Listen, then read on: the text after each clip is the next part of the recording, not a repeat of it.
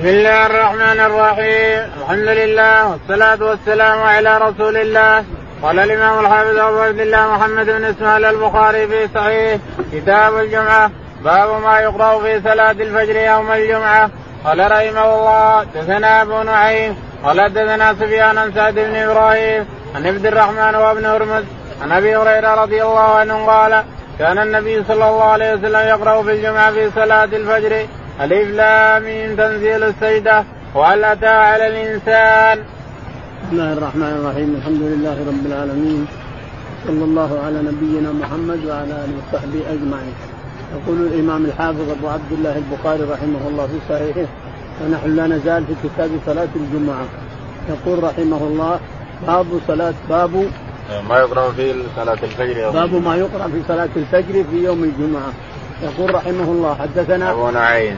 أبو نعيم الفضل بن دكين قال حدثنا سفيان بن عيينة. سفيان بن عيينة قال عن سعد بن إبراهيم. عن سعد بن إبراهيم ابن سعد يعني قال حدثنا عبد الرحمن بن هرمز. عبد الرحمن بن هرمز الأعرج قال حدثنا أبو هريرة. أبو هريرة رضي الله تعالى عنه أن النبي عليه الصلاة والسلام كان يقرأ في صلاة الفجر يوم الجمعة السجدة الإسلامين السجدة وهل أتى على الإنسان؟ لكنه ما هو ما يستمر فيها. يقرأها أحيانا ما هو دائم كل جمعة يقرأها إنما يقرأها أحيانا. فالأئمة الآن يقرونها كذلك أئمة المساجد اليوم غالبهم يقرأها بعد جمعتين ثلاث أربع يقرأ السجده وهل أتى. وهذه هي السنة إلى يوم القيامة. فالرسول لم يداوم عليها كل جمعة يقرأها إنما قرأها الجمعة هذه يقرأها الجمعة الثانية ما يقرأها لئلا يظن الناس أنها مفروضة عليهم. فالأئمة الآن يقرونها. غالب الأئمة المساجد اليوم يقرؤون السجدة وهل أتى في الفجر؟ نعم. باب الجمعة في القرى والمدن. قال رحمه الله حدثنا محمد بن المثنى. قال حدثنا أبو عمرو العقدي. قال حدثنا إيوب بن طهمان نبي جمرة الضبعي عن ابن عباس رضي الله عنه أنه قال إن أول جمعة جمعت بعد جمعة في مسجد رسول الله صلى الله عليه وسلم في مسجد عبد القيس بجواسة من البحرين. يقول البخاري رحمه الله حدثنا محمد بن المدن باب محمد. الجمعة في, القرى والمدن. باب الجمعة في القرى والمدن لأن الناس تقام في القرى. إذا بلغوا أربعين عند الإمام أحمد والشافعي إذا بلغوا أربعين يصلون جمعة حتى لو هم قرية صغيرة. إذا بلغوا أربعين شخص من غير الإمام يصلون جمعة. عند أبي حنيفة ثلاثة يصلون جمعة. عند أبي حنيفة رحمه الله الثلاثة يصلون جمعة. الشاهد أن الأربعين لأن النبي عليه الصلاة والسلام لما جاء حضر العلاء بن الحضرمي في أموال من البحرين تركه الناس وخرجوا برا. يقول يقال إنه ما بقي إلا 12 ويقال إنه ما بقي إلا 40 شخصا. الشاهد أن الإمام أحمد والشافعي وبعض الأئمة يرون أن أنها تقام الجمعة إذا كانت جديدة. قرية جديدة بنيت ويبون يصلون جماعة وجمعه فتقام في أربعين شخصا غير الإمام. إذا كانوا أربعين شخص غير الإمام أقاموها جمعة وأقل من أربعين ما تصح جمعة. وعلى أن غالب العلماء يرون أن 12 يجوز يرون أن ثلاثة يجوز يرون أن 20 يجوز. الشاهد أن الإنسان يتحرى الصواب في الدليل. يرى الدليل ما هو. دليلنا ما هو؟ أننا ما نصلي إلا أربعين. أو دليل من يقول 12 أو دليل من يقول ما في. ما في دليل نص على أربعين أو عشرين أو ثلاثين ما في دليل خاص بهذه الكيفية ما في. إنما المفروض أن القرية إذا بنيت وصلوا جماعة ثم يريدون يصلوا الجمعة أنهم يصلون الجمعة. إذا بلغوا الأئمة الاثنين يرون أنها أربعين نفر. وبعضهم يرى 12 وبعضهم يرى ثلاثة. أبو حنيفة ثلاثة لكن ثلاثة لا. ما ورد وليس في في الدليل. الجماعة نعم ثلاث تنفار لكن جمعة لا. لأن الجمعة لازم نحضرها أمة. لازم يحضر الجمعة أمة من الأمم. يسمعون الدرس يسمعون الذكر يسمعون الخطبة. نعم نقول أن أول جمعة أقيمت بعدما جمع الرسول عليه الصلاة من المدينة في جواثة جواثة من البحرين. إلى الآن من اسمها جواثة كان العلاء بن حرب رضي الله عنه يذهب هناك ويجيب الأموال من البحرين ويقيم بجواثة في البحرين. يقال إنها قطعة من الأحساء ويقال إنها لا إنها خارج الأحساء. إنها قرية كبيرة خارج الأحساء. ثم جواثه في عبد القيس. عبد القيس أسلموا اتوا إلى الرسول وقتهم وأسلموا وصلوا الجمعة. عاد يقول ابن ابن عباس إن أول جمعة أقيمت أول جمعة ابن أبو هريرة يقول أول جمعة أقيمت بعد مسجد الرسول في جواسه أقيمت الجمعة هناك في عبد القيس. نعم. ابن عباس ابن عباس اللي يقول نعم. قال رحمه الله دثنا بشر بن محمد قال أخبرنا عبد الله قال أخبرنا يونس بن الزهري قال أخبرنا سالم بن عبد الله عن ابن عمر رضي الله عنهما أن رسول الله صلى الله عليه وسلم يقول كلكم راع وزاد الليث قال يونس كتب زريق بن حكيم إلى ابن شهاب وأنا معه يومئذ بوادي القرى هل ترى نجمع وزريق عامل على أرض يعملها وفيها وفيها جماعة من السودان وغيرهم. وزريق يومئذ على أيلة. فكتب ابن شهاب هنا ناس يأمر أن يجمع يخبره أن سالما حدثه. أن عبد الله بن عمر يقول سمعت رسول الله صلى الله عليه وسلم يقول كلكم راع وكلكم مسؤول عن رعيته. الإمام راع ومسؤول عن رعيته. والرجل راع في اهله وهو مسؤول عن رعيته.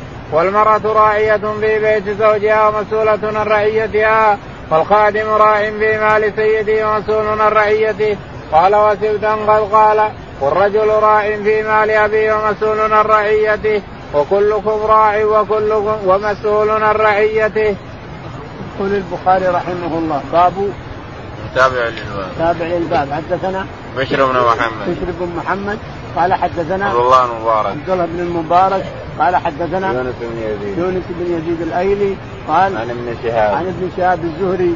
قال حدثنا سالم بن عبد الله. سالم بن عبد الله بن عمر. عن ابن عمر رضي الله تعالى عنه قال ان رسول الله صلى الله عليه وسلم قال كلكم راع يقول ابن عمر رضي الله تعالى عنه إن النبي عليه الصلاة والسلام قال كلكم راع وكلكم مسؤول عن رعيته. كلكم الامم هذه راعي وكلكم مسؤول عن رعيته. الملك راعي والأمير راعي ورئيس البلدية راعي ورئيس كذا راعي ورئيس اللي يعمل كذا راعي. كله مسؤول مسؤول عن رعيته. كل إنسان أسند إليه شيء وهو مسؤول عن رعيته مسؤول عن هذا اللي أسند إليه. كلكم راع ومسؤول عن رعيته يوم القيامة. مع عريان قم يا فلان يقم فلان يقوم فلان. فيقوم ومن يحاسبه جبار السماوات والأرض؟ يعني فعلت كذا وفعلت كذا وفعلت كذا وفعلت كذا. منين له جواب ما عنده جواب. الشاهد كلكم راع وكلكم مسؤول عن رعيته. فالملك راع والأمير راعي والرئيس راعي والمرأة راعية في بيت زوجها والخادم مسؤول عن بيت مسؤول عن رعيته في بيته. والأب مسؤول عن بيته وكذلك الولد مسؤول عن مال ولد والده إلى آخره. المهم كلكم هذا الضابط كلكم مسؤول وكلكم كلكم راع وكلكم مسؤول عن رعيته. جميع من على وجه الأرض راعي ومسؤول عن رعيته. جميع من على وجه الأرض من بني آدم من البشر من ذكور وإناث راع ومسؤول عن رعيته. انظر عاد وش اللي يختصك في الرعية. يختصك في الرعاية وش اللي يختصك الإنسان في الرعاية وكل إنسان مسؤول عن عما اختصه في الرعاية فيسأله رب العالمين يوم القيامة ليقم فلان ثم يسأله جبار السماوات والأرض عن رعيته ماذا فعلت؟ ماذا تركت؟ إيش عملت؟ إيش سويت كذا وسويت كذا ليش هذا كله ما عنده جواب ما يجاوب نعم وزاد الليث قال يونس كتب زريق بن حكيم إلى ابن شهاب وأنا معه يومئذ بوادي القرى. زاد الليث ابن سعد عن أنه كتب رزيق بن حكيم. قال يونس كتب رزيق بن حكيم يونس يقول كتب رزيق بن حكيم للزهري ما وهو في وادي القرى لكن وادي القرى ليس قرية. وادي القرى مره الرسول عليه الصلاة والسلام في غزوة تبوك يسمى العلا. في على وقت الرسول اسمه العلا. اسمه وادي القرى واسمه العلا. إلا كان قرية من قراه يمكن. إن كان قرية من قراه يسألون عن الجمعة وجمعوا يمكن. أو سأل هذا السؤال. قال هل ترى نجمعه ورزيق عامل على أرض يعملها وفيها جماعة من السودان غيرهم يقول ابن رزيق. أنه يعمل على عمل حدائق وحبوب وعنده ناس من السودان يعملون. يعني جماعة. فسأل هل نجمع؟ قال فأفتاهم قال نعم جمعوا. إذا كنتم عدد كبير جمعوا صلوا جمعة. معهم في وادي القرى. لكن وادي القرى كان مدينة كبرى على وقت الرسول عليه الصلاة والسلام ومره في غزوته تبوك مره واقام فيه أيضا. ثم بعده الحجر بعد وادي القرى العلا. إلى الآن يسمى العلا وإلى الآن يسمى وادي القرى. إذا خرجت من المدينة فأديت الصويدره الإنسان تأتي تريد تبوك. إذا تريد تبوك تأخذ اليسار على الطريق اليسار فأول ما يواليك الإنسان العذيب ثم وادي القرى. العلا. العلا أهله من بلي وجهينة. غالب أهله المقيمين فيه من بلي وجهينة. فكان ابن زريق يقول إنه عنده عمال يعملون على حدائقه وكثير جدا كثيرون جدا. فاستفتى أن يصلي جمعه فافتاه انك تصلي جمعه، نعم إذا كان بقرية ويعملون على حدائقه وحبوبه وهم أمم كثيرون يعملون. نعم صلي الجمعة أنت وهم. استفتى وهو على على يقول ايله ايله اللي حدود الحين الأردن وحدود السعودية وحدود اليهود نعم. قال رحمه الله باب هل على من لم يشهد الجمعة غسل من النساء والصبيان وغيرهم؟ وقال ابن عمر إنما الغسل على من تجب عليه الجمعة. قال رحمه الله دثنا أبو اليمان قال أخبرنا شعيب بن الزهري قال حدثني سالم بن عبد الله إنه سمع عبد الله بن عمر رضي الله عنهما يقول سمعت رسول الله صلى الله عليه وسلم يقول من جاء منكم الجمعة فليغتسل. يقول البخاري رحمه الله باب باب باب الغسل. قال على من لم يشهد الجمعة غسل. ليس على من لم يشهد الجمعة غسل، يعني اللي ما تجب عليه الجمعة مثل العبد المملوك، مثل المرأة، مثل الصبي الصغير، ومثل المسافر إذا قدم ما تجب عليهم الجمعة هؤلاء ولا عليهم غسل، الغسل اللي تجب عليه الجمعة، يجب عليه حضور الجمعة ويأثم لو تركها، هذا اللي يجب عليه الغسل، أما اللي ما عليه جمعه ولا يجب عليه الجمعة ولا يحضرها من نساء ومن صبيان ومن مسافرين ومن عبيد المماليك ما تجب عليهم الجمعة ولا يجب عليهم الغسل. إنما الغسل على من يحضرون صلاة الجمعة. يقول البخاري. وقال ابن عمر إنما الغسل على من تجب عليه الجمعة. وقال ابن عمر رضي الله عنه إنما الغسل على من تجب عليه الجمعة من يحضر الجمعة ويأتم بتركها. نعم. قال حدثنا أبو اليمان. يقول حدثنا أبو اليمان قال حدثنا شعيب. شعيب قال حدثنا الزهري. الزهري قال عن سالم بن عبد الله. سالم رضي الله عنه عن عبد الله بن عمر رضي الله عنه أنه قال نعم. سمعت رسول الله صلى الله عليه وسلم يقول من جاء منكم الجمعة فليغتسل. يقول ابن عمر رضي الله تعالى عنه سمعت النبي عليه الصلاة والسلام يقول من جاء منكم الجمعة فليغتسل. يعني يحضرون الجمعة فليغتسل. يعني أنه عزمة اغتسل الإنسان غسل نفسك وتطهر لأجل لا يكون هناك روائح في عرقك في ثيابك روائح. وكان الصحابة رضي الله عنهم عمال أنفسهم. الصحابة رضي الله عنهم لا سيما الأنصار عمال أنفسهم. يشتغل حديقته يشتغل حبوبه يشتغل من جد نخله ويعمل كذا ويعمل كذا ويعرق يعرق ثم يجي يصلي. فالرسول عليه الصلاة والسلام قال لعمال عمال أنفسهم فليغتسلوا من جاء من يريد الصلاة الجمعة فليغتسل. غسل الجمعة واجب على كل محتلم قال أنه كل من أتى إلى الجمعة أنه واجب عليه غسل الجمعة. وتقدم تفسير الوجوب وغيره إلى اخره نعم. قال رحمه الله دثنا عبد الله بن مسلمة عن مالك عن صفوان بن سليم عن عطاء بن يسار عن أبي سعيد الخدري رضي الله عنه أن رسول الله صلى الله عليه وسلم قال غسل يوم الجمعة واجب على كل محتلم. يقول البخاري رحمه الله حدثنا عبد الله بن مسلمة عبد الله بن مسلمة قال حدثنا مالك. مالك قال عن صفوان بن سليم. عن عبد الله بن سليم قال عن عطاء بن يسار. عن عطاء بن يسار عن أبي سعيد الخدري. عن أبي سعيد الخدري رضي الله تعالى عنه قال رسول الله صلى الله عليه وسلم قال غسل يوم الجمعة واجب على كل مسلم. يقول أبو سعيد الخدري أن النبي عليه الصلاة والسلام قال غسل يوم الجمعة واجب على كل محتلم غسل يوم الجمعة واجب وتقدم تفسير الوجوب أنه من باب الندب لأنه واجب تحت من انت لا تركته. لأن كثير من الناس ما يغتسل لكنه للندب. إن اغتسلت فهو أفضل الإنسان لحديث عثمان مع عمر بن الخطاب.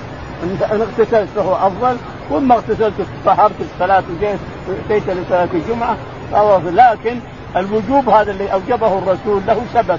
وهو أن العمال أن الصحابة رضي الله عنهم عمال أنفسهم هم الذين يشتغلون في حدائقهم ويشتغلون في حبوبهم ويشتغلون طول النهار ثم يأتون بثيابهم مع العرج يصير العرج مثلا مروح معفن والأشياء يؤذون الناس ويؤذون المصلين. فأمرهم الرسول وجوبا أن يغتسلوا. فأوجب عليهم الغسل لأن تذهب العرج يذهب الريحة الكريهة. أما تجي بعرقك على طول الإنسان وأنت قد اشتغلت وعملت قد يكون هناك روائح خبيثة تؤذي الناس وتؤذي الملائكة نعم. قال رحمه الله دثنا مسلم بن إبراهيم قال دثنا وهيب قال دثنا ابن طاووس عن أبيه عن أبي هريرة رضي الله عنه قال قال رسول الله صلى الله عليه وسلم نحن الآخرون السابقون يوم القيامة أوتوا الكتاب من قبلنا وأوتيناه من بعدهم فهذا اليوم الذي اختلفوا فيه فهدانا الله فغدا لليهود وبعد غد للنصارى فسكت ثم قال حق على كل مسلم أن يغتسل في كل سبعة أيام يوما يغسل فيه رأسه وجسده رواه أبان بن صالح مجاهد عن طاووس عن أبي هريرة قال قال النبي صلى الله عليه وسلم لله تعالى على كل مسلم حق أن يغتسل في كل سبعة أيام يوما. يقول البخاري رحمه الله حدثنا مسلم بن إبراهيم. نعم. مسلم بن إبراهيم. مسلم بن إبراهيم. قال حدثنا وهيب بن خالد. وهيب بن خالد. قال حدثنا عبد الله بن طاووس. عبد الله بن طاووس. عن أبيه. عن أبيه طاووس قال عن أبي هريرة. عن أبي هريرة رضي الله تعالى عنه أن النبي عليه الصلاة والسلام قال نعم. نحن الآخرون السابقون يوم القيامة. نحن الآخرون السابقون يوم القيامة. فاليهود لهم غدا والنصارى بعد غد ونحن هدينا ليوم الجمعة. يعني هي أفضل الأيام يعني أضلهم الله عنها أو اختلفوا فيها فهدينا لها وصارت من حظنا يوم الجمعة وهي أفضل الأيام. فعلى كل مسلم أن يغتسل أسبوع يعني يوم الجمعة كل يوم جمعة بعد أسبوع تغتسل الإنسان. هذا ما كان بعضهم يغتسل أكثر من أسبوع أكثر من ثلاث أيام يغتسل. يغتسل في أسبوع ثلاث مرتين ثلاث بعضهم. فالشاهد إن الذي ما يغتسل ولا ولا حتى من الجنابة ما يغتسل. لأنه لو اغتسل من الجنابة قد يكون إنه انتهى انتهى وصحه لكن المهم اللي ما يغتسل حتى من الجنابة يعني ما يجي امرأته فإن عليه الغسل يوم الجمعة يتدلك بصابون ويغسل نفسه ويتطيب ويغير ثوبه إن كان عنده ثوب. وإلا يغسل الثوب ويلبسه مرة ثانية إلى آخره. الشاهد يوم الجمعة لك أن تتطيب الإنسان وتنظف وتغتسل وتدلك نفسك بصابون كان عندك صابون أو بإشنان أو بتايد ان كان عندك تايد إلى آخره دلك نفسك الإنسان وبعد ذلك ما تطهر وتلبس أحسن ثيابك كان عندك ثياب اثنين ثلاثة وإن كان ما عندك إلا واحد تغسله وتلبسه لا بأس بذلك فالشاهد أن غسل يوم الجمعة واجب لئلا تكون روائح تؤذي الناس وتؤذي الملائكة هذا المقصود نعم. قال وروى أبان بن صالح عن مجاهد عن طاووس عن أبي هريرة. قال وروى أبان بن صالح عن مجاهد يعني متابع. قال حتى روى أبان بن صالح عن مجاهد عن طاووس عن ابن عباس. عن أبي هريرة. عن, عن طاووس عن أبي هريرة رضي الله عنه. قال رحمه الله حدثنا عبد الله بن محمد قال حدثنا شبابه قال حدثنا ورقاء عن عمرو بن دينار عن مجاهد عن ابن عمر رضي الله عنهما عن النبي صلى الله عليه وسلم قال اذنوا للنساء بالليل إلى المساجد. يقول البخاري رحمه الله حدثنا عبد الله بن محمد. عبد الله بن محمد قال حدثنا شبابة بن سوار. شبابة بن سور قال أو سوار قال حدثنا ورقاء. ورقاء بن أحمر قال عن عمرو بن دينار. بن عم عن عمرو بن دينار عن مجاهد عن ابن عمر. عن مجاهد عن ابن عمر قال النبي صلى الله عليه وسلم قال إذن للنساء بالليل إلى المساجد. يقول ابن عمر رضي الله عنه أن النبي عليه الصلاة والسلام قال ائذنوا للنساء بالليل إذا أرادت المسجد. لا تمنعها يعني. لا تمنع مع الله مساجد الله وبيتها خير لها. لكن إذا قالت بروح المسجد تذهب للمسجد. لا تمنعها أن تحضر المسجد تحضر البركة تحضر صلاة الجنازة وتصلي مع المسلمين. لا تمنعها نعم قال رحمه الله دثنا النائم يوسف بن موسى قال دثنا أبو أسامة قال دثنا عبيد الله بن عمر النافع عن ابن عمر قال كانت امرأة لعمر رضي الله عنه تشهد صلاة الصبح والعشاء في الجماعة في المسجد. فقيل لها لم تخرجين وقد تعلمين إن عمر يكره ذلك ويقار قالت وما يمنع أن ينهاني؟ قال يمنع قول رسول الله صلى الله عليه وسلم لا تمنعوا إماء الله مساجد الله. يقول البخاري رحمه الله حدثنا يوسف بن موسى. يوسف بن موسى قال حدثنا أبو أسامة. أبو أسامة حماد قال حدثنا عبيد الله بن عمر. عبيد الله بن عمر العمري قال عن نافع عن ابن عمر. عن نافع عن ابن عمر أن عمر رضي الله تعالى عنه كانت امرأته فاخته تخرج صلاة الفجر وصلاة العشاء ويكره هذا هو. يكره أنها تخرج ولو إلى المسجد. يكره هذا فقيل لها له. لما ما يمنعه أن قيل لها أن عمر يكره أنك تخرجين إلى المسجد تصلين فيه. قالت ما يمنعه؟ قالوا يمنعه أن النبي عليه الصلاة والسلام قال لا تمنعوا مع الله مساجد الله. يمنع حديث الرسول ولا هو يكره أنك تخرجين تصلين العشاء وتصلين الفجر يكره هذا. قالت ما يمنعه ليش الذي يمنعه وش لا يقول لي لا تخرجين؟ قال يمنعه حديث الرسول عليه الصلاة والسلام لا تمنعوا نهي. لا تمنعوا إماء الله مساجد الله. وبيتها خير لها. فإذا قلت بخرج إلى المسجد ما يقدر يمنعك. يمنعه من نهيك هذا وهو يغار عليك نعم ساكتة لكنها امتنعت بعد ذلك نعم. باب الرخصة إن لم يحضر الجمعة في المطر. قال رحمه الله دثنا مسدد. قال حدثنا إسماعيل. قال أخبرني عبد الحميد صاحب الزيادي. قال حدثنا عبد الله بن الحارث بن عم محمد بن سيرين. قال قال ابن عباس لمؤذنه في يوم مطير إذا قلت أشهد أن محمدا رسول الله فلا تقل حي على الصلاة. قل صلوا في بيوتكم. فكان الناس استنكروا. قال فعله من هو خير مني. إن الجمعة أزمة وإني كرهت أن أخرجكم فتمشون في الطين والضحك. يقول البخاري رحمه الله باب الرخصة إن لم يحضر الجمعة. الرخصة إن لم يحضر الجمعة هو الجماعة من مطر أو سيل أو حريق أو شيء من هذا أو عدو أو إنسان يطالبه بدين ما يخرج الجمعة ولا الجماعة. يقول البخاري حدثنا مسدد. مسدد. قال حدثنا إسماعيل. إسماعيل قال قال أخبرني عبد الحميد صاحب الزيادي قال أخبرنا عبد الحميد صاحب الزيادي. الزيادي. قال قال حدثنا عبد الله بن الحارث. قال حدثنا عبد الله بن الحارث. قال حدثنا هو يقول ابن عم محمد بن سيرين. عبد الله يقول إن محمد بن سيرين. نعم. قال قال عبد الله بن الحارث هذا ابن عم محمد بن سيرين. ابن عم محمد بن سيرين. قال قال ابن قال ابن عباس لمؤذنه في يوم مطير إذا قلت أشهد أن محمد رسول الله الحديث عن محمد بن سيرين ولا ابن عمه؟ ابن عمه عن ابن عم لمحمد بن سيرين عن ابن عباس رضي الله تعالى عنه أنه قال في يوم مطيره لا تخرجوا أذنوا صلوا بيوتكم لأن الله لأن الرسول عليه السلام فلما قال المؤذن كذا استنكروا على ابن عباس فقال فعله من هو خير مني كرهت أن تخرجوا بالطين والدحض يعني الوحل الطين والتراب والمطر فكرهت أن تخرجوا فبيت كل إنسان خير له. استنكروا على ابن عباس فقال فعله من هو خير مني. يعني الرسول عليه الصلاة والسلام أمر الناس أن يصلوا في بيوتهم في المطر وفي الطين وفي الوحل لا شك في هذا أنك ما تحرج الناس ولا تخرجهم الإنسان من بيوتهم. نعم.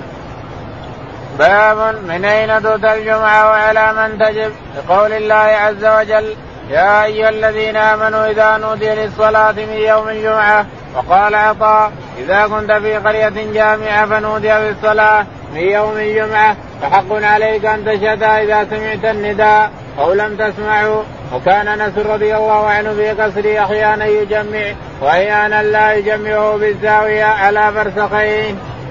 يقول البخاري رحمه الله باب من تجب باب من أين تؤتى الجمعة؟ من أين تؤتى الجمعة؟ وعلى من تجب؟ وعلى من تجب الجمعة أيضا قال حدثنا يقول الله تعالى يا أيها الذين آمنوا إذا نودي وقول الله تعالى الدليل على الحضور قول الله تعالى يا أيها الذين آمنوا إذا نودي للصلاة من يوم الجمعة فاسعوا إلى ذكر الله يعني امشوا امشوا إلى ذكر الله وذروا البيع لأن البيع حرام إذا نودي للصلاة من يوم الجمعة الأذان التالي حرام البيع والمشترى باطل البيع والشراء وباطل الايجار وباطل كل شيء كل شيء يبطل في الأذان التالي من أذان الجمعة نعم وقال عطاء إذا كنت في قرية جامعة فنودي بالصلاة من يوم الجمعة فحق عليك أن تشهد. يقول عطاء بن أبي رباح يقول حق عليك إذا نودي للجمعة وأنت في قرية حق عليك أن تحضر الجمعة، تأتي الجمعة وتترك البيع وتترك الشراء وتترك كل شيء، لأنه باطل، ما دام البيع باطل، الإيجار باطل، كل شيء باطل، ما له لزوم أنك تنتهي عن صلاة الجمعة بشيء باطل، نعم. سمعت النداء ولم تسمعه. يقول عطاء سمعت النداء ولم تسمع. أنت في قرية والأذان حصل حضر. سمعته ولم تسمعه لازم تروح إلى الجمعة تصلي الجمعة. نعم. وكان أنس رضي الله عنه في قصره أحيانا يجمع واحيانا أنس رضي الله تعالى عنه رزقه الله 120 ولد. يعني يصلون ثلاث جمع كل كل 40 يصلون جمعة. لأن الله دعا له لأن الرسول عليه الصلاة والسلام دعا له ببركة المال بكثرة المال وكثرة الولد وطول العمر.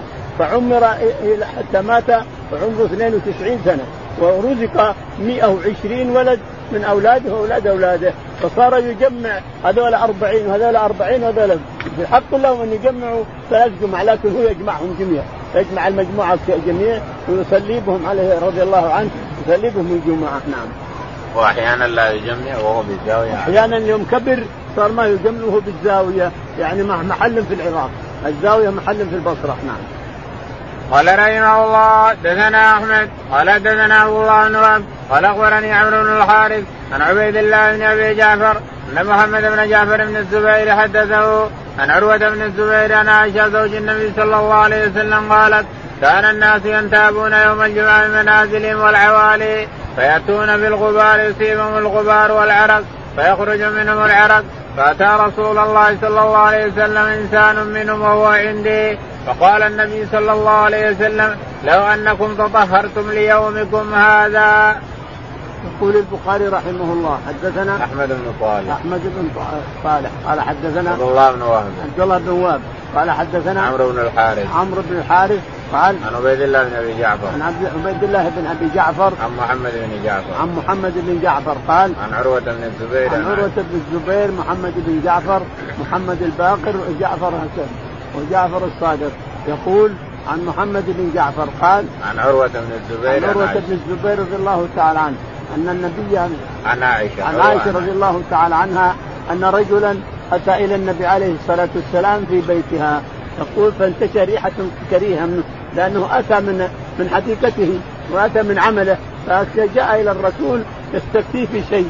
فقال الرسول عليه الصلاة والسلام لو اغتسلتم يوم الجمعة. لو هداكم الله واغتسلتم من الجمعة لتذهب هذه الروائح وهذه الأشياء الكريهة منكم لتذهب لو اغتسلتم يوم الجمعة يعني أن الإنسان الناس اللي يعملون عمل ويعرقون وثيابهم وسخة ينبغي أن يغتسلوا ويتطهروا ولا يأتوا المسجد إلا طاهرين وإلا متنظفين في ثيابهم نعم. باب وقت الجمعة إذا زالت الشمس وكذلك يروى عن عمر وعلي والنعمان بن بشير وعمر بن حريث رضي الله عنهم قال رحمه الله دثنا عبدان قال أخبرنا عبد الله قال أخبرنا يحيى بن سعيد أنه سأل عمران الغسل يوم الجمعة فقالت قالت عائشة رضي الله عنها كان الناس مهنة أنفسهم وكانوا إذا راحوا إلى الجمعة راحوا في هيئتهم فقيل لهم لو اغتسلتم. يقول البخاري رحمه الله باب باب وقت الجمعة إذا زالت الشمس. وقت الجمعة إذا زالت الشمس. مع أن الرسول عليه الصلاة والسلام قال وقت الجمعة هو وقت صلاة العيد. وقت الجمعة يبدأ من صلاة العيد من وقت صلاة العيد. صلاة العيد ارتفعت الشمس بدأت الجمعة وبدأ وقت الجمعة وبدأ صلاة العيد. ولهذا كثير من الناس لو جمع قبل الزوال صح لو صلى الجمعة قبل الزوال صح لكن بعد الزوال أفضل. يقول رحمه الله حدثنا قال ويروى عن عمر وعلي والنعمان ويروى عن عمر وعلي والنعمان بن بشير والنعمان بن بشير وعمر بن حريث. وعمرو بن حريث. أنهم قالوا أنهم قالوا إذا الزوال بعد الزوال يعني أن صلاة الجمعة تبدأ بعد زوال الشمس. مع أن الرسول عليه الصلاة والسلام قال وقت الجمعة هو وقت صلاة العيد. متى ما ارتفعت الشمس قيد رمح وأراد الناس يصلوا الجمعة صلوها. والا هذا ولهذا صح جمع جمع صلاة الجمعة وصلاة العيد سواء. لأن وقت يجب وقت صلاة العيد إلى آخره نعم. قال حدثنا عبدان عبد الله. يقول حدثنا عبدان عبد الله بن جبله قال حدثنا عبد الله بن المبارك. عبد الله بن المبارك. قال حدثنا يحيى بن سعيد الأنصاري. يحيى بن سعيد الأنصاري قال أنه سأل عمرو عن الغسل يوم الجمعة. أنه سأل عمرو عن الغسل يوم الجمعة فقالت قالت عائشة رضي الله عنها كانت كان الناس مهنة أنفسهم وكانوا إذا رأوا من الجمعة رفعوا على فيه. فقالت إن عائشة رضي الله عنها تقول كان الناس مهنة أنفسهم هم عمال أنفسهم فيعرقون ويظهر روائح كريهة فأمروا بالغسل يوم الجمعة ليتطهروا من ثيابهم يتطهروا بأبدانهم إلى آخره قال رحمه الله دثنا سويد بن النعمان قال دثنا فليح بن سليمان عن عثمان بن عبد الرحمن بن عثمان التيمي عن أنس بن مالك رضي الله عنه رضي الله عنه أن النبي صلى الله عليه وسلم كان يصلي الجمعة حين تميل الشمس. يقول البخاري رحمه الله حدثنا سريج بن النعمان. سريج بن النعمان. سريج بن النعمان. قال حدثنا فليح بن سليمان.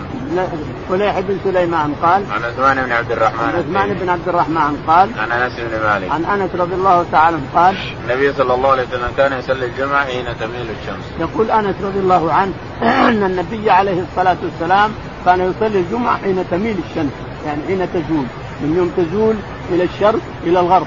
تذهب إلى الغرب ويطلع الفي هنا مجرد ما تزول يصلي الجمعة عليه الصلاة والسلام. وهو وقتها. وقت الظهر ووقت الجمعة واحد. وقت الظهر إذا زالت الشمس اقيموا الصلاة لدلوك الشمس. الدلوك هو الزوال. متى ما زالت الشمس إلى الغرب قليلا وطلع الفي ولو خيط صغير وجبت وجبت صلاة الظهر ووجبت صلاة الجمعة. نعم. قال رحمه الله حدثنا عبدان قال أخبرنا عبد الله قال أخبرنا حميد. عن أنس بن مالك رضي الله عنه أنه قال كنا نبكر بالجمعة ونقيل بعد الجمعة.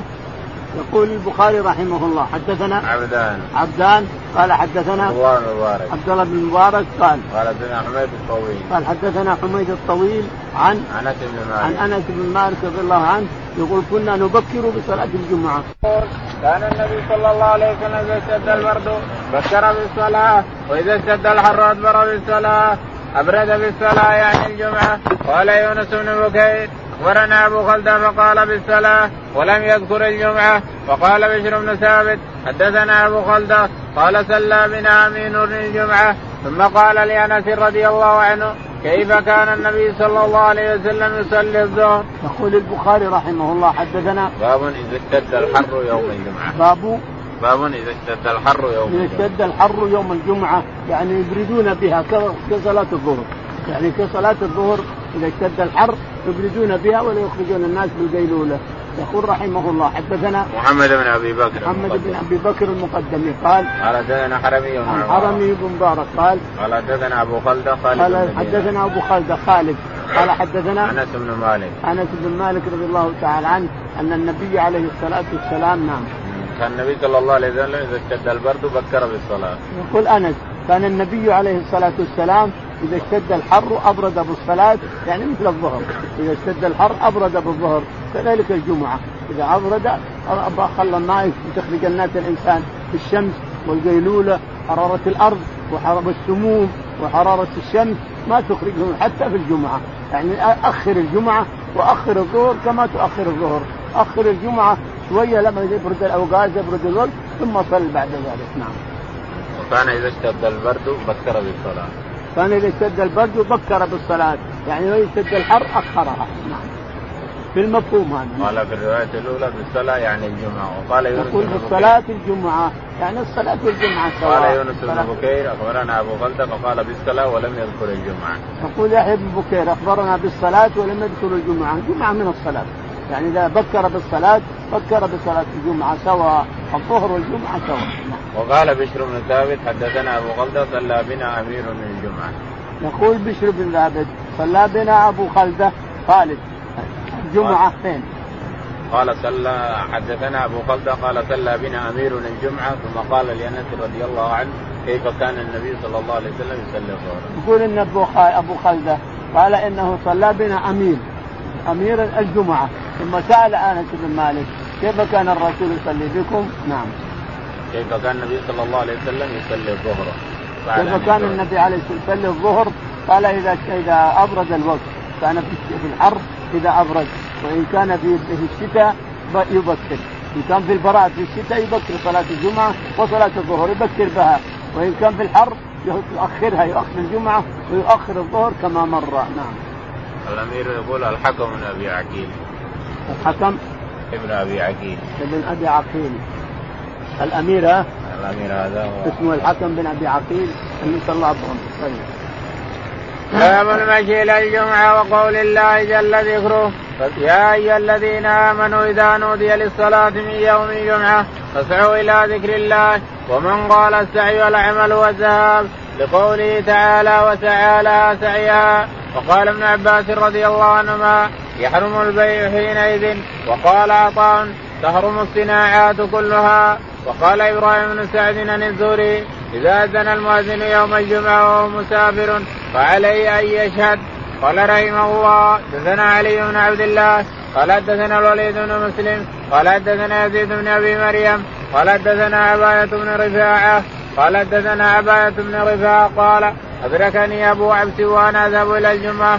فقال سمعت النبي صلى الله عليه وسلم يقول من اغبرت قدماه في سبيل الله حرمه الله على النار. يقول البخاري رحمه الله باب المشي إلى الجمعة. باب المشي إلى الجمعة يعني تمشي الإنسان تخرج من بيتك ماشيا إلى الجمعة لتصليها نعم. وقول الله تعالى فاسعوا إلى ذكر الله. وقول الله فاسعوا إلى ذكر الله وذروا البيع نعم. ومن قال السعي والعمل والذهاب. ومن قال في تفسير الآية السعي هو العمل فاسعوا إلى ذكر الله يعني اسعوا إلى عمل إلى عمل في الصلاة إلى العمل تعملون يعني توضأ أو تغتسل أو تلبس ثيابك هذا كله عمل فاسعوا إلى ذكر الله يعني اعملوا للشيء اللي يوصلكم إلى المسجد يوم الجمعة يعني تتوضأ أو تغتسل أو تلبس ثيابك أو تطيب كله سعي كله يسمى سعي عند عطاء رضي الله عنه. نعم. لقوله تعالى وسعى لها سعيها لقوله تعالى يستدل بالآية وسعى لها سعيها. يعني أنه في الجنة. اللي يعمل صالحا ويريد الجنة ويسعى لها سعيها يبشر بالجنة. فهذا من السعي إلى الجمعة. كل إنسان يغتسل أو يتوضأ أو يتنظف أو يلبس ثيابه كله من السعي. وقال ابن عباس رضي الله عنهما يحرم البيع حينئذ. وقال ابن عباس يحرم البيع في يوم الجمعة يعني حينما يسمع النداء أو يصل النداء حتى لو ما سمعه يحرم البيع والشراء وكل الصناعات تحرم حينئذ. وقال عطاء نعم. وقال عطاء تحرم الصناعات كلها. وقال عطاء بن أبي رباح تحرم الصناعات كلها. ما يمكن يقول بلحم هذه الماسورة ابى ابى أسوي الباب هذا ابى أحط الطوبة هذه وأروح أصلي نقول لك لا. هذا كله حرام. حرام عليك إنك تعمل عمل غير ان العمل للصلاة. تعمل عمل للصلاة وضوء أو لباس أو طيبه أو شيء. أما تعمل أعمال دنيوية فحرام عليك هذا وتأثم يوم القيامة وتسأل عن عملك اللي تعمله غير ما كان للصلاة. فأنت كل عمل يبطل. حرام عليك تفعله وحرام عليك أجرته وأنت تأخذ أجرة فيه. أنت تبني لإنسان اترك البناء خلاص حرام عليك الأجرة. تعمل باب تعمل جدار تعمل كذا حرام عليك الأجرة. فلا تعمل اترك العمل كله واسعى إلى ذكر الله. نعم. قال إبراهيم بن سعد عن الزهري إذا أذن المؤذن يوم الجمعة وهو مسافر فعليه أن يشهد. يقول إبراهيم بن سعد إبراهيم بن سعد عن الزهري عن إذا أذن المؤذن يوم الجمعة وهو مسافر فعليه أن يشهد. يقول الزهري رضي الله رحمه الله يقول إذا أذن المؤذن للجمعة فلا فلا يسافر المسافر، إذا أذن أنت مسافر وتريد أن تسافر لكن سمعت النداء يوم الجمعة حرام عليك الخروج خلاص ما تخرج صلي الجمعة واخرج لأنه خطر. حتى لو خرج خطر عليه لأن اللي يخرج يوم الجمعة وقد وصل الوقت وصل وقت الجمعة خطر عليها أنه يسلك أو يكذب ينقلب أو يحصل حادث لكن إذا سمعت النداء وأنت مقيم وتريد السفر لازم تحضر الجمعة، احضر الجمعة وصل الجمعة ثم سافر. نعم. قال حدثنا علي بن عبد الله. يقول البخاري رحمه الله حدثنا علي بن المديني قال حدثنا الوليد بن مسلم. الوليد بن مسلم قال حدثنا يزيد بن أبي مريم. يزيد بن أبي مريم قال قال حدثنا عباية بن رفاعة. قال حدثنا عباية بن رفاعة بن رافع. عن رفاعة بن رافع قال قال أنه قال أدركني أبو عبد وأنا أذهب إلى الجمعه. يقول أدركني أبو عبد وأنا داخل الجمعة فقال له نعم. سمعت النبي صلى الله عليه وسلم يقول من يخبر قدماه في سبيل الله حرمه الله. حدثه حين أدركه حدثه قال سمعت النبي عليه الصلاة والسلام يقول من اغفرت قدماه في سبيل الله والسعي إلى الجمعة من سبيل الله. السعي إلى الجمعة والسعي والسعي إلى صلاة فريضة من سبيل الله من أغبرت قدماه يوم الجمعة أغبرت قدماه في سبيل الله فلم حرم الله عليه النار حرم الله على وجهه النار. والسعي لصلاة الظهر صلاة العصر والسعي لصلاة الجمعة والسعي لكذا هو من سبيل الله. هو في سبيل الله. فمن أغبرت قدمه ساعيا إلى الجمعة أو ساعيا إلى صلاة فريضة حرم الله جسده على النار. نعم. قال رحمه الله حدثنا آدم قال حدثنا ابن أبي ذئب قال حدثنا قال الزوري عن سعيد وأبي سلمة عن أبي هريرة رضي الله عن النبي صلى الله عليه وسلم قال قال حدثنا أبو اليمان قال أخبرنا شعيب بن الزوري قال أخبرني أبو سلمة بن عبد الرحمن ان ابا هريرة رضي الله عنه قال سمعت رسول الله صلى الله عليه وسلم يقول إذا أقيمت الصلاة فلا تأتوها تسعون وأتوها تمشون عليكم السكينة. فما أدركتم فصلوا وما فاتكم فاتموا.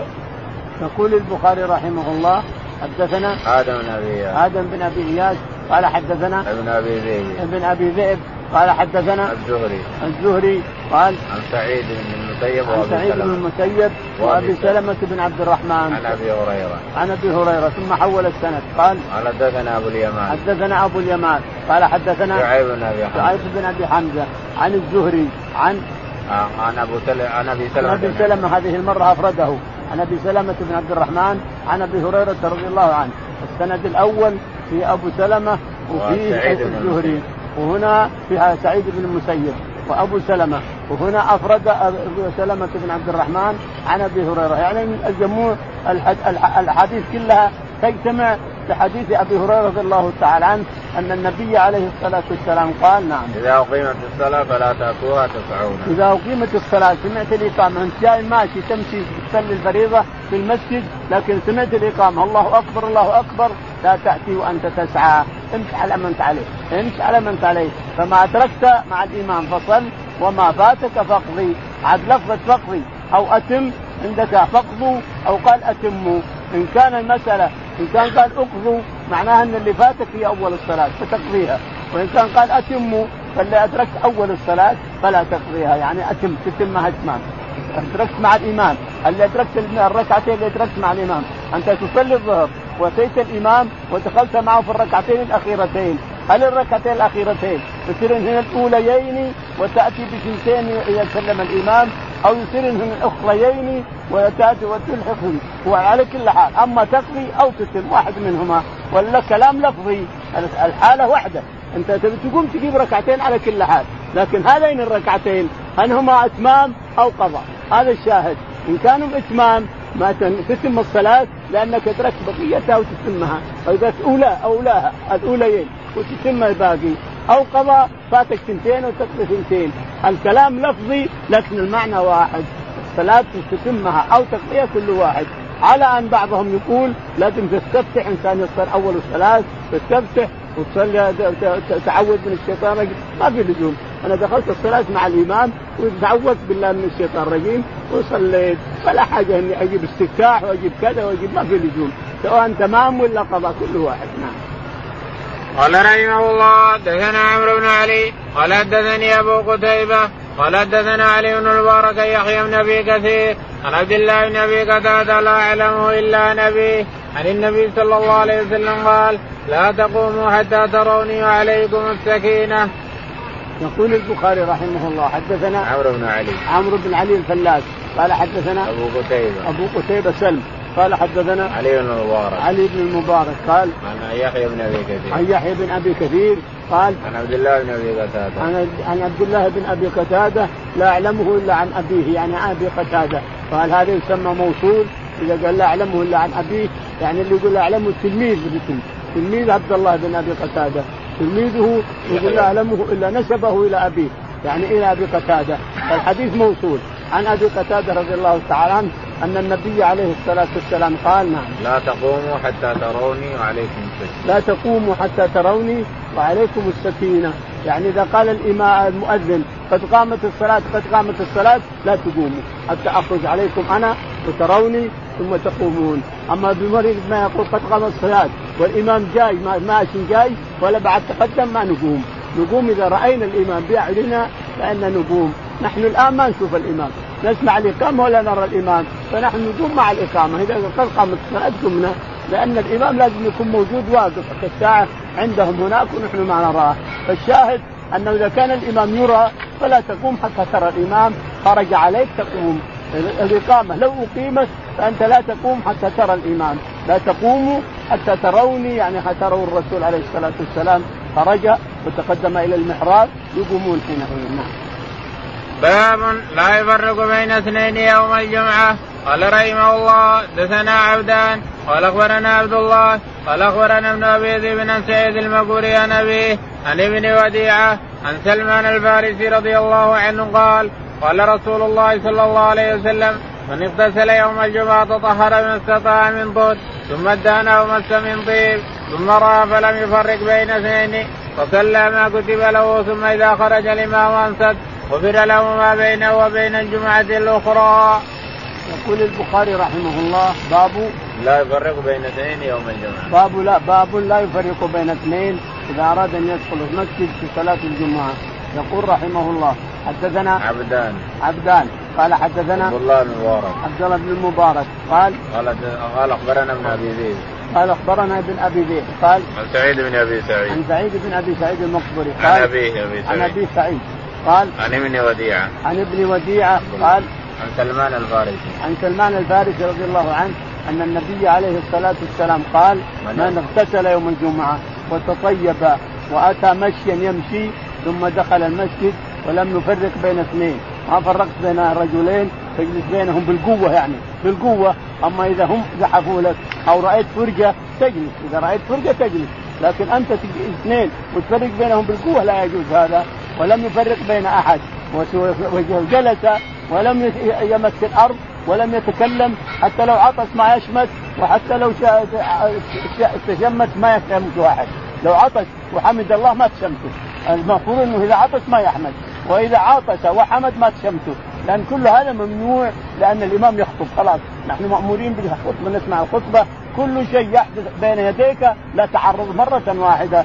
شوف إنسان يتحرك شوف إنسان لا تقول لا تحرك لا تقول لا تكلم لا تقول لا تمس الأرض لأنك تصير أنت برضه لغيت فلا يمس الأرض ولأنه إذا ما مس الحصى فقد لغى ومن لغى فلا جمعة له يسقط أجرك من الجمعة كله يصير كأنك ما حضرت الجمعة من لغى من مس الحصى فقد لغى ومن لغى فلا جمعة له فلا تنهى أحد شوفوا يمس الأرض أو يعبث بصابه لا لا تكلم اتركوا ما عليكم منه لا تكلم فيبطل جمعتك وكذلك إذا عطست لا تحمد وإن حمدت ما شمتك أحد اللي شمتك تبطل جمعته. كذلك لا تفرق بين اثنين تجي اثنين ثم تبي تذهب تبي تتعدى أو تبي تجلس ما يمكن هذا. ممنوع إلا إذا كان هناك فرقة في فرقة بين اثنين ما سدوها فلك أن تسد الفرقة. أو في فرقة قدام في الصف وهذول ما ترى ما تعدوها تتعدى تقول عن اذنكم في فرقة هناك بروح لها. فتعداهم لأنه لأن هذا شريعه هذا أنت أمرك الحين وفعلك شريعة. تقول هذا فرقه أبى أتعدى لها لكن اسحفوا لي أبى أتعدى. فيسحبون لك وتعدى الإنسان. أما إذا كان ما هناك فرقه ولا بينهم فرقه ما تجلس بين اثنين ولا تفرق بين اثنين ولا تخطى رقاب الناس. ما تخطى رقاب تقول بروح ما في فرقه وين تخطى؟ خطى رقاب وين تذهب؟ ما في شيء ما في فرقه تذهب إليها. الشاهد أنه لا يتخطى رقاب الناس. ولا يمس الأرض ولا يتكلم مع أحد ولا يحمد الله لو عطش ولا يشمت لو عد ولا كل هذا ممنوع ما دام الإمام يتكلم. كل الكلام هذا كله الأعمال هذه كلها ممنوعة ما دام الإمام يخطب. فإذا جلس بين السجدتين لك أن تكلم هذا وتكلم هذا بين الجمعتين. انتهى من الجمعة الخطبة الأولى ثم جلس. ما دام هو جالس ما يتكلم لك أن تكلم هذا وتشمت هذا وتعمل هذا لا لا بل ثم إذا بدأ بالخطبة الثانية جاء التحريم إلا إن كان الدعاء. الجمعة الثانية كانت دعاء اللهم انصرنا اللهم انصر الإسلام اللهم أيدنا اللهم افعل إذا كانت دعاء فلا بأس أن تتكلم وتعطي هذا وتعطي هذا. لأن الكلام ليس خطبة. الدعاء ما هي خطبة؟ الخطبة هي الزجر. الزجر كونك تزجر الناس وتخوفهم من رب العالمين وتصف لهم ما سيأتيهم يوم القيامة وما سيعرض عليهم في القبر وما سيكون والحساب اللي يعرضون عليه والأرض اللي يحشرون فيها ونزول رب العالمين. إذا كان جزر بهذا الزجر لا يمكن يتكلم أحد أو يمس الأرض أحد أو يعطس أحد ويحمد إلى آخره. فإن كان الخطبة الثانية برضه زجر كان تحريم ما في الأولى في الأخيرة. وإن كان دعاء الخطبة الثانية دعاء. اللهم انصرنا اللهم افعل فلك أن تتكلم لك لأنه ما هو زجر. الخطبة زجر. الخطبة التي يحرم الكلام فيها ومس الأرض هي الزجر. أما الدعاء فهذا شيء ثاني. الدعاء عندنا ليس بالزجر وليس بخطبة. خطبة لكنه دعاء والدعاء جائز أن تفعل بما تشاء الإنسان. نعم. غفر له ما بينه وبين غفر له ما بينه وبين الجمعة. هذا سلمان رضي الله عنه. يقول من اغتسل وتطيب ولبس ثيابه وأتى يمشي ولم يفرق بين اثنين وصلى الجمعة كتب له غفر له ما بين الجمعة هذه والجمعة التي تليها. عندنا حديث أبي هريرة سيأتي يقول غفر له من الجمعة إلى الجمعة وزيادة ثلاثة أيام لأن الحسنه بعشر أمثالها. باب لا يقيم الرجل أخاه يوم الجمعة يقعد في مكانه. قال رحمه الله دثنا محمد قال أخبرنا مخلد بن يزيد قال أخبرنا ابن جريج انه قال سمعت نافعا يقول سمعت ابن عمر رضي الله عنهما يقول إن النبي صلى الله عليه وسلم يقيم الرجل اخاه من مقعده ويجلس فيه قلت لنافع الجمعة؟ قال الجمعة وغيرها. يقول البخاري رحمه الله باب لا يقوم من مكانه ويجلس غيره فيه لا يقوم. مكانك محترم لا يمكن أن تقوم فيه حتى عن أبيك حتى عن أبوك. جاء أبوك بيصلي ولا ليس له مكان إلا مكان ما تقوم. ما تقوم عن مكانك. لا جمعة ولا غير جمعة حتى الصلاة. صلاة الفريضة أنا مسكت هذا المكان لا يمكن أن تأخر عنه. حتى لو يجي أذن بعض الناس اليوم يشوف في المساجد نعوذ بالله إذا جاء واحد يعزه أو واحد وراه دراهم أو واحد مثلا يقوم ويجيب ويخليه هذا حرام. لا يجوز مكانك أن تعطيه أحد ابدا. حتى لا بقروش ولا بغير قروش. لا يمكن أن تأخذ تشيل مكانك أو تزحف عن مكانك تعطيه الآخر. لا يمكن. أنا مسكت هذا المكان لا يمكن أن يعطيه أحد اطلاقا. حتى لو أبوك ما تقوم عنه وتعطيه المكان ما يمكن. مسكت هذا المكان أمسكه حتى تصلي صلاة الفريضة أو تصلي صلاة الجمعة. لأنه محرم عليك القيام من المكان وتعطيه غيرك. حرام نعم. قال حدثنا محمد بن سلمة. قال البخاري حدثنا محمد بن مثنى قال قال حدثنا مخلد بن مخلد بن خالد قال قال أخبرنا ابن جريج. أخبرنا ابن جريج قال عن نافع عن ابن عمر. عن نافع عن ابن عمر أن النبي عليه الصلاة والسلام قال نعم. أن النبي صلى الله عليه وسلم يقيم الرجل أخاه من بعده ويجلس. يقول نهى يقول ابن عمر رضي الله عنه نهى والنهي يقتضي الفساد. نهى والنهي يقتضي الفساد. يقول لا يقوم الرجل من مكانه ويقعد فيه غيره. أو لا يقيم الرجل واحد من مكان يجبره جبر يقوم من مكانه ويجلس فيه هو الرجل يقوم برضاه ويجلس غيره أو يقيمه إنسان بالقوة ويجلس في مكان هذا كله حرام. نهى الرسول عليه الصلاة والسلام أن يقوم الرجل من مكانه ويجلس فيه غيره. نعم. قال قلت لنافع عن الجمعة قال الجمعة وغيرها. يا قلت نافع. يقول قلت نافع. الجمعة وغيرها الجمعة قال الجمعة وغيرها حتى صلاة الفريضة. حتى أنت تصلي الفريضة. ومسكت مكانك لا تقوم معنى مكانك إطلاقا. نعم. اللهم اهدنا فيمن هديت وعافنا فيمن عافيت وتولنا فيمن توليت. اللهم توفنا مسلمين والحقنا بالصالحين رب العالمين. اللهم